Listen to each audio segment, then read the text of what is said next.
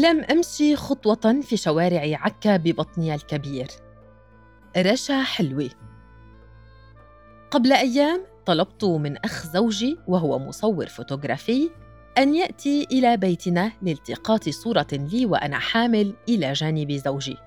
جاء وطبعا التقط أكثر من صورة واحدة ونحن نتمرأح من الضحك على غرابة الموقف، حيث كان المشهد شبيها بأداء قديم قبل عصر الكاميرات في البيوت أو الهواتف عندما كان يذهب العرسان أو ما زال أو العائلة إلى استوديو تصوير في بلدهم لالتقاط صور تذكارية.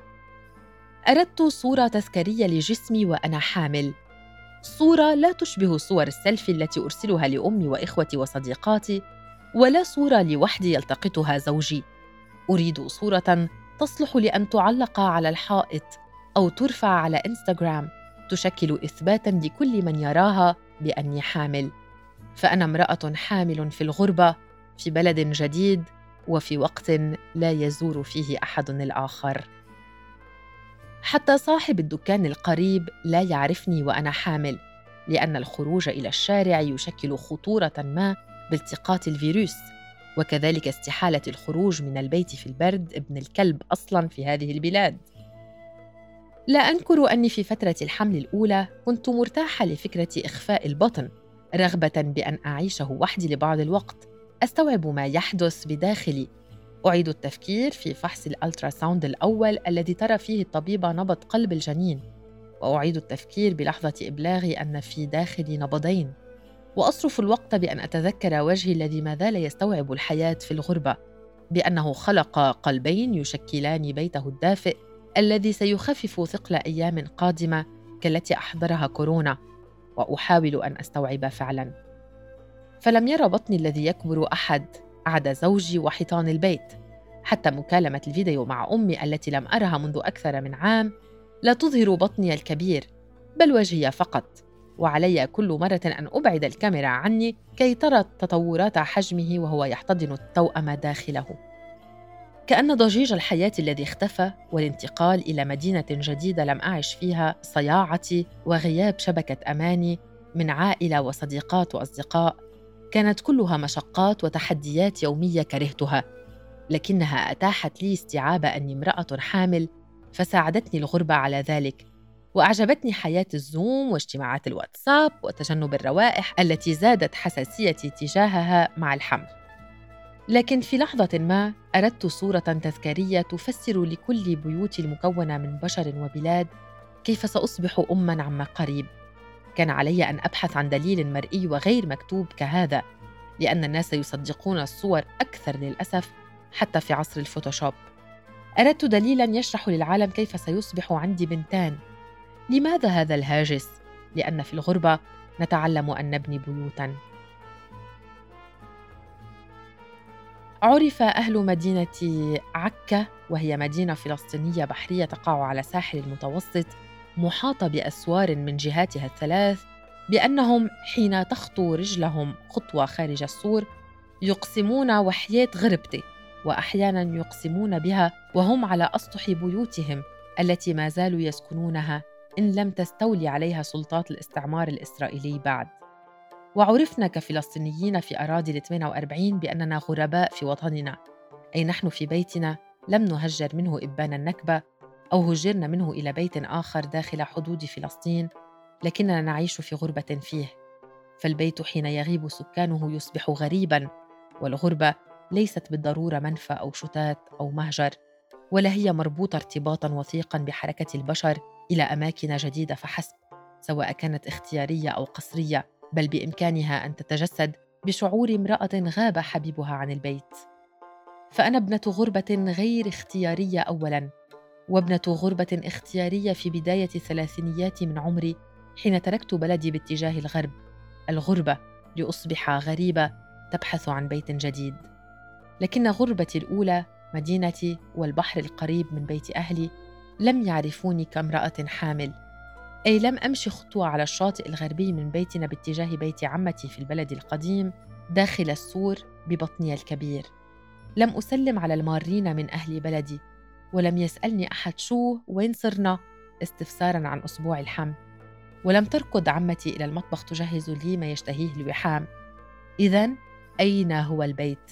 في المكان الذي أعيش فيه حميمية حملي أم ذلك البعيد الذي يحوي كل رغبات الوحام كاللبن مثلا؟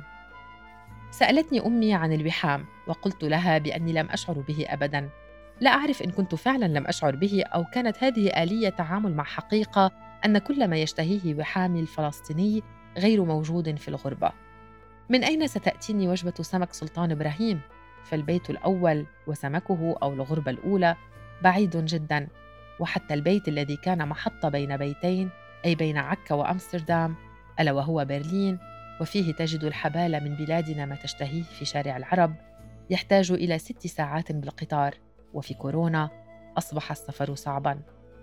بالعودة إلى اللبنة كانت أول ما بحثت عنه في أمستردام مع بداية الحمل ذهبت إلى حوالي عشر بقاليات تركية في محاولة لأجد لبنة حتى لو كانت تركية لكني وجدت الطحينة بدلاً منها. لم تكن المسألة سيئة لكني أردت اللبنة على وجه الخصوص. كانت أمي قد أعطتني في وقت ما كيس لبنة كي أجهزها في البيت. ولم أستخدم الكيس في برلين لسهولة الحصول على اللبن هناك مقارنة بهنا. فكان أول استخدام له في أمستردام وقد نجحت العملية. لكن فكرة غياب علبة لبن في مدينة الجديدة كالخنجر في القلب. في مرة زرنا أنا وزوجي صديقتنا اللبنانية والمقيمة في أمستردام وبعد أن سألتها عن حالها قلت في محل تشتري منه لبنة؟ لم تجبني بل ذهبت إلى الثلاجة وأخرجت علبة لبنة كالتي تباع في برلين ووضعتها أمامي كانت سعادتي أكبر من فرح عودة الشمس إلى هذه البلاد وعرفت أنها تشتريها من دكان جديد صاحبه سوري بالقرب من بيتنا والذي أصبح مزارنا الأسبوعي فيما بعد لشراء اللبن، الزيت السوري، الزيتون المكبوس الجيد والملوخية الورق لأن العائلات المسيحية في فلسطين تطبخ الملوخية ورقاً والعائلات المسلمة تطبخها مفرومة ما حدا فاهم ليش. وأنا بالعموم أتبع وصفات أمي بالطبخ ولربما الملوخية هي من الأشياء القليلة التي تكشف الديانة التي تنتمي لها عائلتي. هذا في حال زرتنا في البيت وقررت أن تفتح الفريزر. المهم وجود اللبن الدائم في الثلاجة جعل الغربة أقرب من البيت.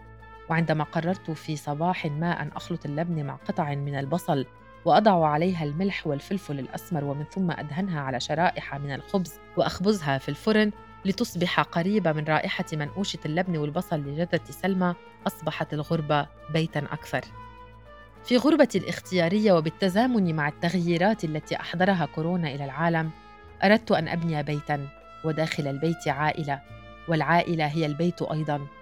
كأن الكارثة التي ألمت بالعالم كله أعادت ترتيب سلم أولوياتي ولم تخيفني الغربة كإطار لبناء هذا البيت.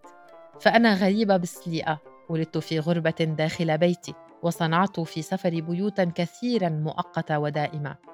وحاربت على خلق مساحة لسردياتي كامرأة في منظومات كاتمة للأصوات وقامعة للأجساد. وبهذه المعارك صنعت بيوتا أيضا. فأنا جاهزة للأمومة الآن. وبالعموم في زمن كورونا لا يحدث شيء والبارات مقفلة وبالتالي هذا الزمن هو الفرصة الذهبية للحمل لمن هن مثلي التي احترفن صناعة بيوتا من حكايات الليل في البارات. بعد التقاط صورة الحمل مع زوجي نشرتها عبر إنستغرام. خروج بطني إلى العلانية كان مفاجئا لي أيضا بالرغم من أنه يعيش معي على جسدي وفي بيت واحد.